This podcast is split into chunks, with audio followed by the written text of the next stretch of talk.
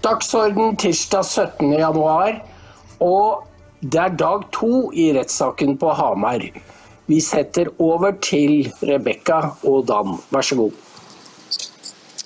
Ja, Det er dag to her fra Hamar tinghus. Nå har retten blitt heva, og det tar ca. fire uker før det kommer en dom. Det har vært nok en interessant dag eh, her i retten. Det har vært eh, en del vitner. Det har vært Bent Lindberg, som er overlege på eh, legevakten her i Hedmarken. Det har vært Astrid Søkkelberger, Torkel Snellingen og et vitne fra Helsedirektoratet som jeg dessverre ikke husker navnet på sånn i farta. Det koker litt i hodet her nå etter to dager med, med rettsprosesser.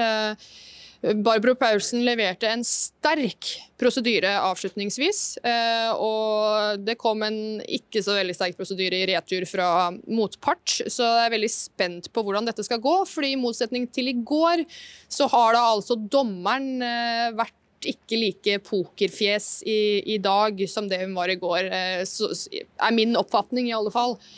Så får vi se da hvordan dette eh, utarter seg. Men det, blitt, det, som har vært interessant med å følge denne saken, er å, å se hvor skakkjørt, unnskyld for å bruke det begrepet, men hvor skakkjørt Norges byråkrati er. Det er så stort og uhåndterlig. Det er bare sparking oppover. Det er sparking oppover fra omtrent alle i kommuneledelsen eh, til FHI og eh, Helsedepartementet og Legemiddelverket og Verdens helseorganisasjon, ikke minst. Og når eh, vitner fra Helsedirektoratet vitner, så sparker hun altså FHI og Legemiddelverket og sier at ja, men eh, vi har jo ikke vært alene om å ta disse beslutningene om, eh, om føringer, nasjonale føringer. Det er jo vært, Vi har levert vårt forslag, og så har FHI levert sitt forslag. og Så har det blitt sendt til Helsedirektoratet, og så har de fått i oppdrag å skrive dette her etterpå. Så det er ingen som har ansvar her. og Det samme gjelder også da den konkrete saken til Iris. hvor hvor eh, de henviser til drøftningsmøter i forhold til det med omplassering av arbeid osv. For vi skal huske på at eh, kjernen i denne saken er jo nettopp arbeidsforholdet til Iris. At hun ble oppsagt fordi hun ikke var vaksinert og ikke ville la seg teste to ganger i uka basert på eh, den kunnskapen hun har, det medisinske grunnlaget. Og det, de har ikke gjort noen egen vurdering på dette. De har fortsatt ikke levert et medisinskfaglig grunnlag. Det er ingen i kommunen som har gjort en egen vurdering, og alle sparker ballen enten oppover eller videre til, til sidemannen. Så her er det da altså total ansvarspulverisering fra eh, hvert eneste offentlige ledd. Og det er, eh, det er rett og slett eh, Man blir tom for ord, altså. Men det du sier om dommeren, er det slik å forstå at hun viste seg mer sympatisk innstilt til, til kommunen i dag? Var det sånn? Ja, det er sånn jeg oppfatter det. Eh, hun har altså avbrutt Nå vet vi at vi har pressa på tid for denne saken her, selv om den handler om Iris og hennes arbeidsforhold og Hamar kommune, så har denne saken her også vist seg å være en sak om norsk Eh, pandemipolitikk, rett og slett. For det, det, dette er stort. Så det har vært et enormt tidspress på alle vitnene som har vitnet. Og eh, Dommeren har da altså avbrutt eh, Barbro Paulsen flere ganger i dag, og har vist seg litt, eh, slik jeg oppfatter det, mildere mot eh, kommunen. Du skrev at eh, hun hadde avbrutt eh, Torkel Snellingen mens han forklarte noe som tilsynelatende var veldig relevant for saken. Kan du si litt mer om det?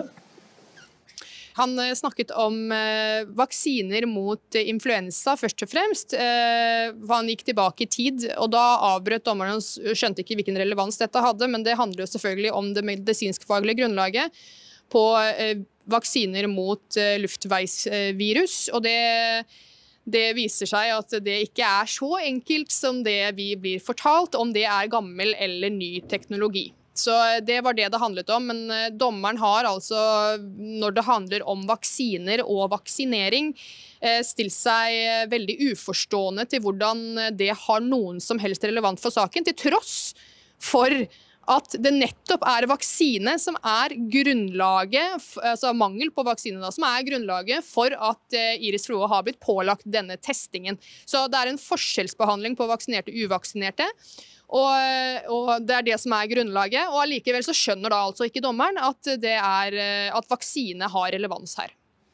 Så da Et av poengene som Fråes advokat forsøkte å skåre da, med Snellingen som vitne, det var at hvis du ikke har pålagt helsearbeidere å vaksinere seg mot uh, luftveisinfeksjoner tidligere, så kan du heller ikke gjøre det nå. Uh, ikke sant? Var det, var det et sånt foretak han ble avbrutt i, da? Eh, jeg hørte i hvert fall ikke den konklusjonen, eh, så det, det vet jeg faktisk ikke. Christian. Det, det, jeg vet er at eh, flere av vitnene har, bl.a. også Astrid Støkkelberger, har sagt at det er med, nytt, altså nyttesløst å, å, skape vaksine mot bl.a. koronavirus, nettopp fordi at det endrer seg så raskt at hun sa rett ut at covid-19 eksisterer ikke lenger. Koronaviruset det, det endrer seg hyppig. og også sa hun, som har jobbet i Verdens helseorganisasjon, at eh, det kan ikke erklæres en pandemi så fremt ikke det er den samme sykdommen og det samme viruset i alle 194 medlemsland, noe det ikke er. og Det er derfor vi har disse variantene. ikke sant? Vi har uh, Sør-Afrika-varianten, vi har uh, jeg husker ikke alle disse, hva alle britiske varianten, Kina-varianten, som er det opprinnelige koronaviruset, men, men du skjønner hvor jeg vil. Kan vi vende tilbake til eh, overlegen? Fordi det virket som om han ønsket å eh, pushe dette føre var-prinsippet. ikke sant? At ja, eh, så lenge stemmer. vi ikke vet, så er det best å forlange vaksinasjon.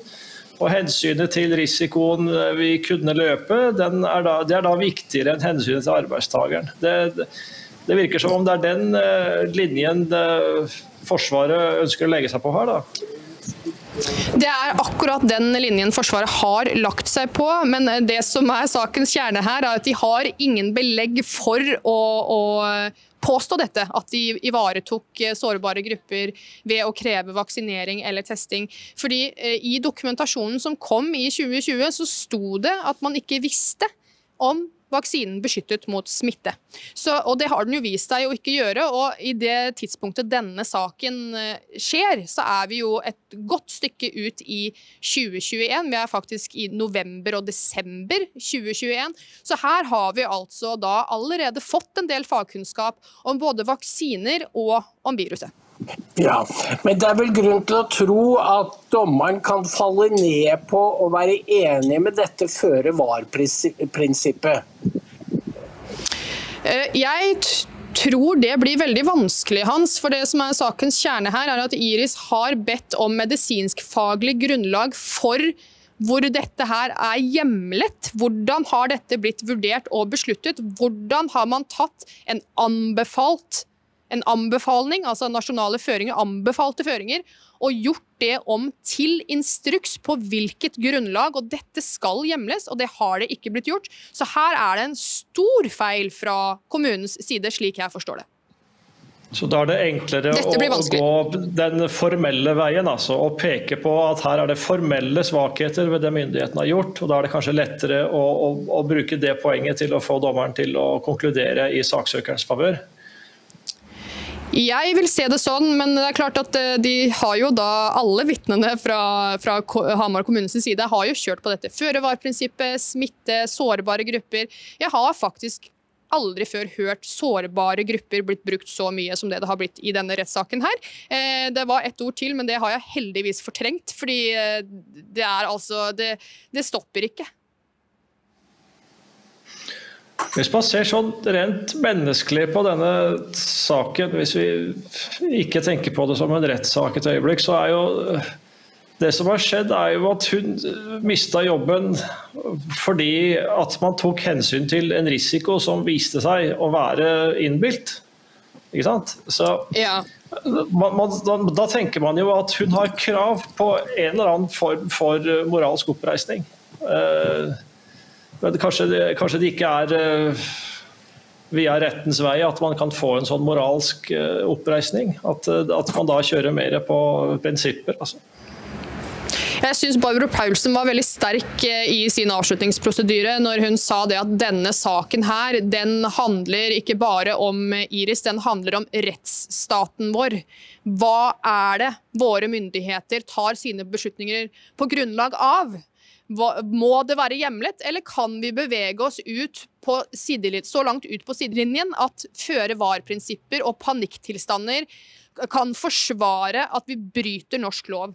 Så eh, det, det, er jo det som ligger til grunn her. Og moralsk oppreisning, til tross for at mange av disse som jobber i byråkratiet og i stat, eh, slik vi kjenner dem, er moralister, så tror jeg ikke rettssystemet er rett sted å få moralsk oppreisning, nei. Det er klart. Også, ja, Hans.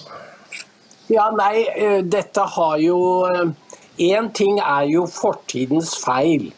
Fordi byråkratiet liker ikke å innrømme at de tok feil. Og vi har jo noe i Norge som kalles uh, det store mann. Altså mann gjør.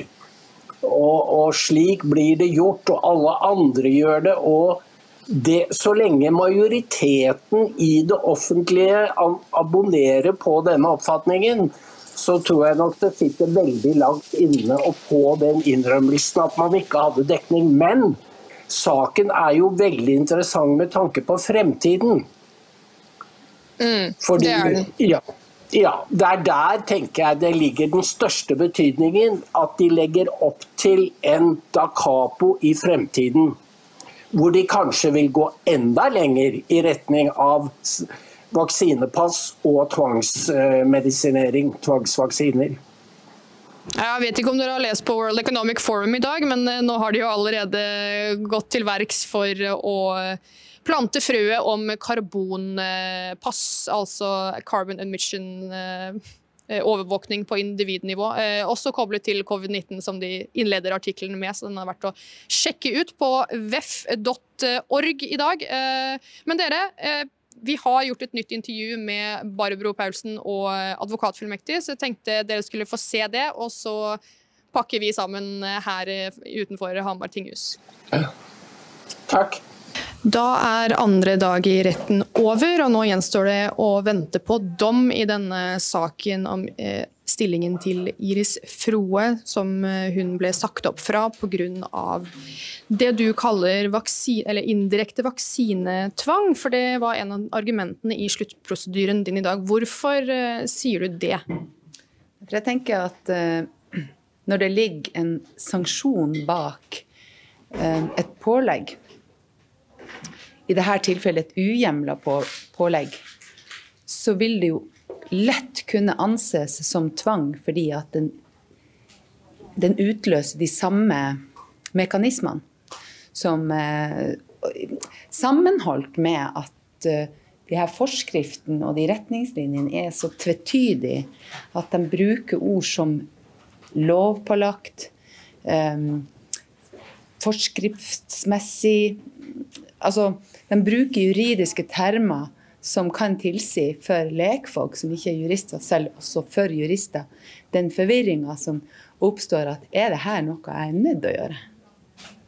Så derfor har vi lagt til grunn at sanksjonen bak eh, spøkelset som hele tida hang over den saken, var at dersom du ikke innfrir testregimet vi har pålagt deg, så vil du få sparken.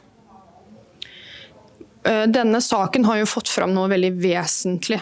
For dette handler jo ikke eh, altså Det handler jo om Iris Froe og hennes arbeidssak, selvfølgelig. Men eh, i forhold til de vitnene som har vært i retten her, og det som har blitt lagt fram av bevis, og de bevisene som også mangler i denne saken, mm.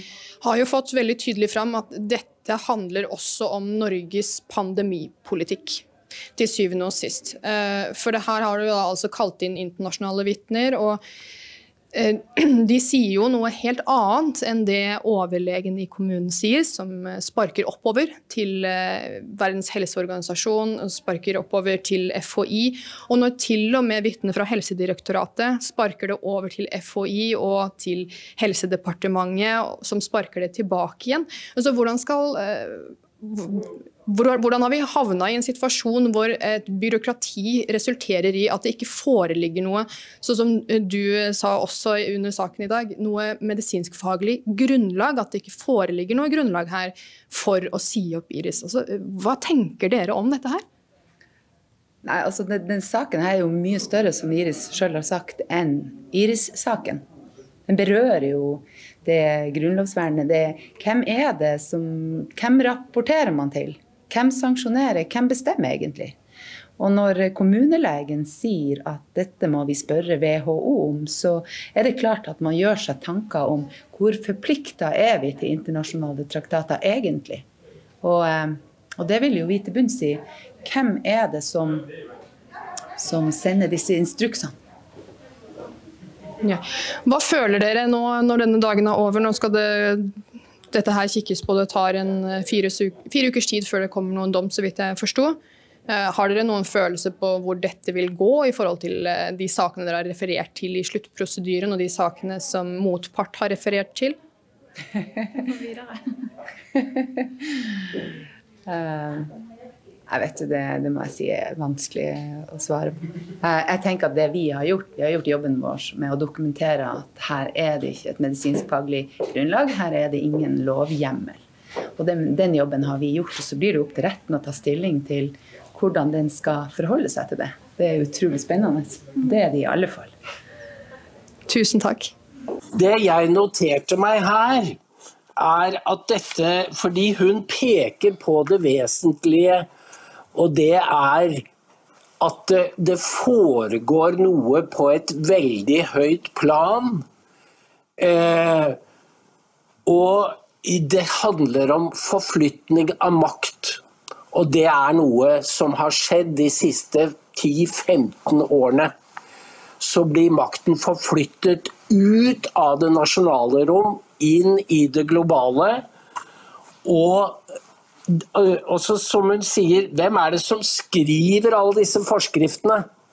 Og så Typisk nok byråkratisk, man vil ikke ta ansvar for det. Når man blir stilt direkte spørsmål, så er de unnvikende. Eh, og dette passer jo, mønsteret er jo det samme på mange andre områder, ikke minst nå med strømkrisen, hvor du ser de samme bortforklaringene. Og der bruker byråkratiet eh, full, altså både fullmakter, og det er jo til syvende og sist menneskerettighetserklæringene som står over norsk lov. Og så bruker de forskrifter, akkurat som departementene gjør. Når de skal fylle ut et, en lov, så bruker de forskrifter som har lovskraft. Men når de da blir konfrontert med konsekvensene, så blir de unnvikende. Dette er jo som å slå i en dundyne. Ja, det er helt uh, ugjennomtrengelig. Og det som, det som, kompliserer saken, er jo at dette foregår jo ikke lenger bare i et, et nasjonalt byråkrati. Det, det, dette her er uh, jeg, jeg, fikk assosiasjoner til, til, Frans Kafka da advokaten eh, beskrev hvordan dette her arta seg. Altså, hvor paragrafer og bestemmelser og institusjoner de blir jo rett og slett omgjort til noen slags våpen. Så det, Den stakkaren som utsettes for dette, her eh, vet jo ikke sin arme råd. og Bare det, det, å finne ut av hvem som har ansvaret for hva, og hvor man kan gå og hvilke ting man kan ta opp, er jo en uoverkommelig oppgave. Så dette er det er, det er, globalisert Frans Kafka. Altså, Kafka skrev jo da i en virkelighet hvor det var snakk om et, eh, et nasjonalt diktatur. Da, ikke sant? Det var i hvert fall begrenset i rom. Og dette her er ikke begrenset i rom i det hele tatt. Det, det, det trekker jo da inn uh, hele verden. Så altså Frans Kafka for det 21. århundre, altså velkommen til uh, da, lever man ikke lenger i et land, vet du. Man lever i et et imperium. Ja. Og det, det, er kanskje det er kanskje det vi må ta inn over oss. Da, at det, vi vokste opp i land, men vi uh, flytter nå inn i imperier. Mm. Jeg tenker jo på um, fordi det skjer så mange ting på en gang at vi ikke greier å huske å koble fenomenene. Men det at vi er medlem av Schengen, gjør jo at vi må følge den europeiske pågripelses- og, og tiltaleprosessen. Sånn at nordmenn kan bli tiltalt for noe de har som har skjedd med dem uh, i utlandet. La oss si på Kanariøyene i ferien. Og så går det flere år. Og så blir de da pågrepet av norsk politi og sendt til Spania. Og en norsk domstol har ikke lov til å vurdere gehalten i den tiltalen. Ja, nettopp. Så, så når, når, du har innarbeida maskineriet på ett saksfelt, så kan du bare resirkulere ja. det til et hvilket som helst annet. Altså, du har eh, på en måte brutt forsvarsverkene ved hjelp av pandemien, og så kan du bruke det til hatforbrytelser eller klima eller uh, hva som helst. Nettopp. Fiffig. Det er veldig fiffig. Noen har tenkt gjennom dette her og forstått hvor stor makt de får når, det, når det nasjonale suverenitet blir opphevet. For det er det de gjør.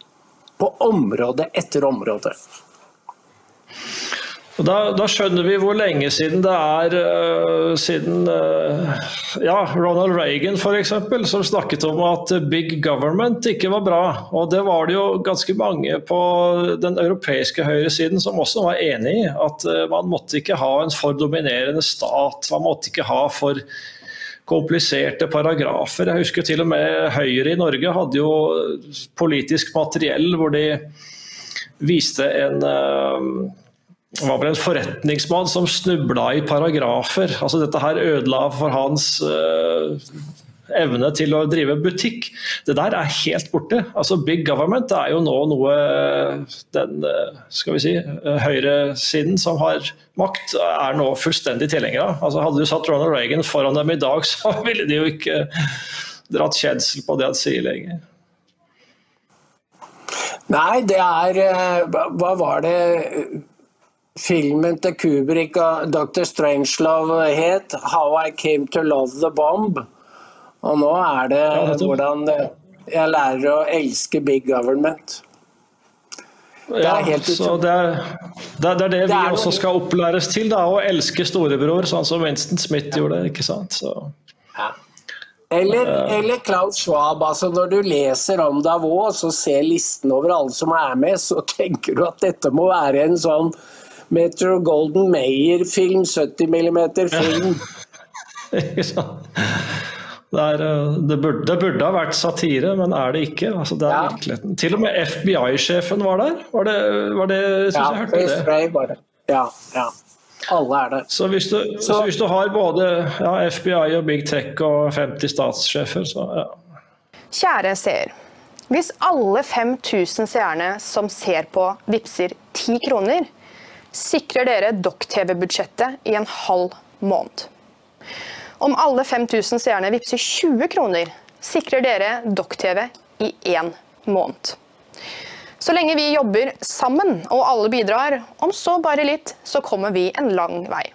Det hviler på oss, altså på deg og meg, å sørge for at sannheten kommer fram. Og at Document bevarer sin rolle som det medier egentlig skal være, en vaktbikkje. Uten dere så klarer ikke vi det. Og uten oss så sitter dere igjen med medier som løper myndighetenes ærend. Vips til 638941. 638941. Fordi ditt bidrag gjør en enorm forskjell. Jeg så noen bilder fra 2017 uh, i forbindelse med at, uh, at uh, Europas mest verdifulle selskap er jo ikke Equinor eller Novo Nordisk, selv om de når høyt opp. Det er jo LMVH, altså mote, motemerket. Louis Vuitton. Ja.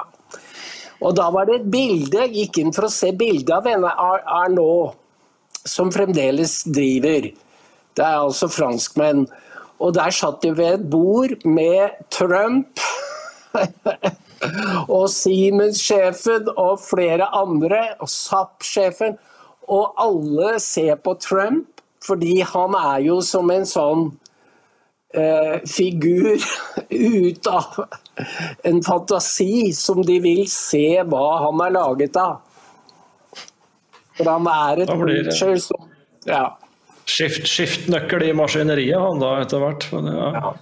Det, det, er, det er ikke så mye et, eh, et menneske kan gjøre overfor et sånt eh, maskineri som, som det hun Iris har eh, vært utsatt for. Så, men da er det jo da er det jo desto mer befriende at det faktisk er noen som, som, som sier at hør her, ikke tråkk for meg, dette finner jeg meg ikke i. Altså det, det burde mange flere gjort.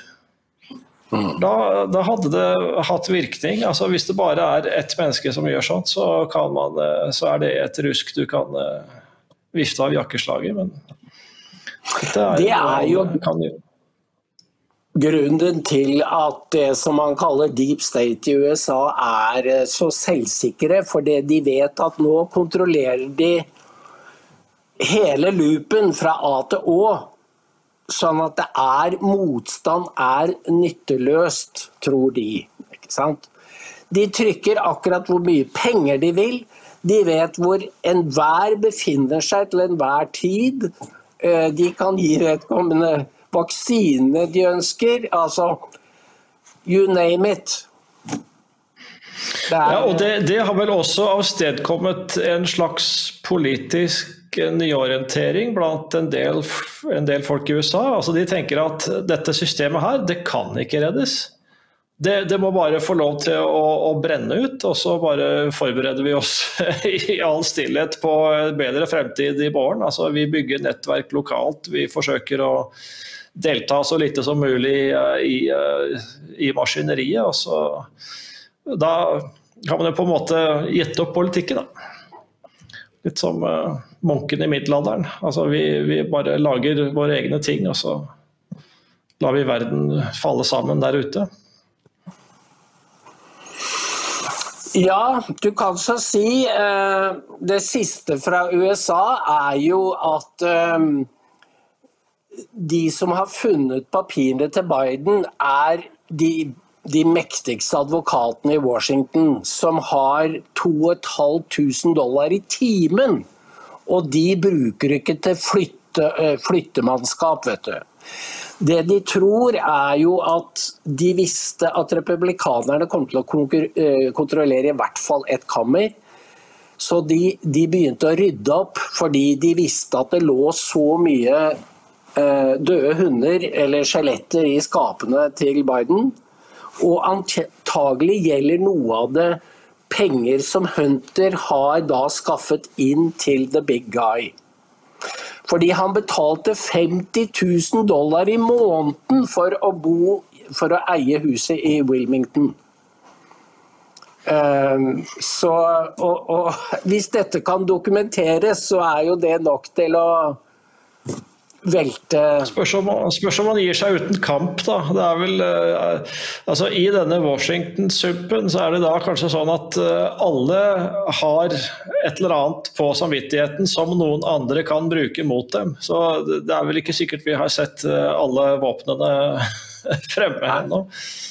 Jo Men det begynner da å bli mer og mer som eh, i Romerriket med Du hadde to keisere på en gang, altså, og pretorianergarden bestemte hvem som skulle bli keiser. Altså, Biden eh, skulle jo synge en fødselsdagssang på Martin Luther King-dagen, men han glemte jo han glemte jo navnet på den han sang for.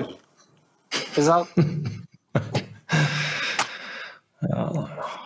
Ja, Iris eh, føler seg kanskje langt borte fra maktens tinde, hun også. Altså, hun kunne ikke vært uh, lenger unna den om hun hadde vært i en eller annen fjern provins i Romerike. Altså, det, det maskineriet som har bestemt at hun skulle vaksineres, det er like fjernt for henne som, uh, som keiseren i Roma var for en hvilken som helst plebeier. Nå ryktes det jo at disse som ble arrestert i Brasil, det første de gjør med dem er å gi dem vaksinen, Ok. sier han. Ja. Det er jo oppstått et nytt ord nå, altså Lulas gulag. Det er lulag. Det synes jeg var et, eh, et bra ord. Altså de, de blir innesperret, eh, sånn som det skjedde med disse etter 6. januar. Så. Men nå får vi vente på dommen da, Hans. Fire uker, så får vi se hva som skjer. ja, Jeg må bare gratulere Rebekka og Dan med vel utført arbeid. Og så er jeg imponert over hun Barbro Paulsen og, og Iris, ikke minst. Eh, over at de Dette var jo, dette var jo et eksempel på sivil kurasje. Absolutt. Det er ikke for mye av det. Så her må dere bare ta lærdom. Takk for i dag. Takk for det.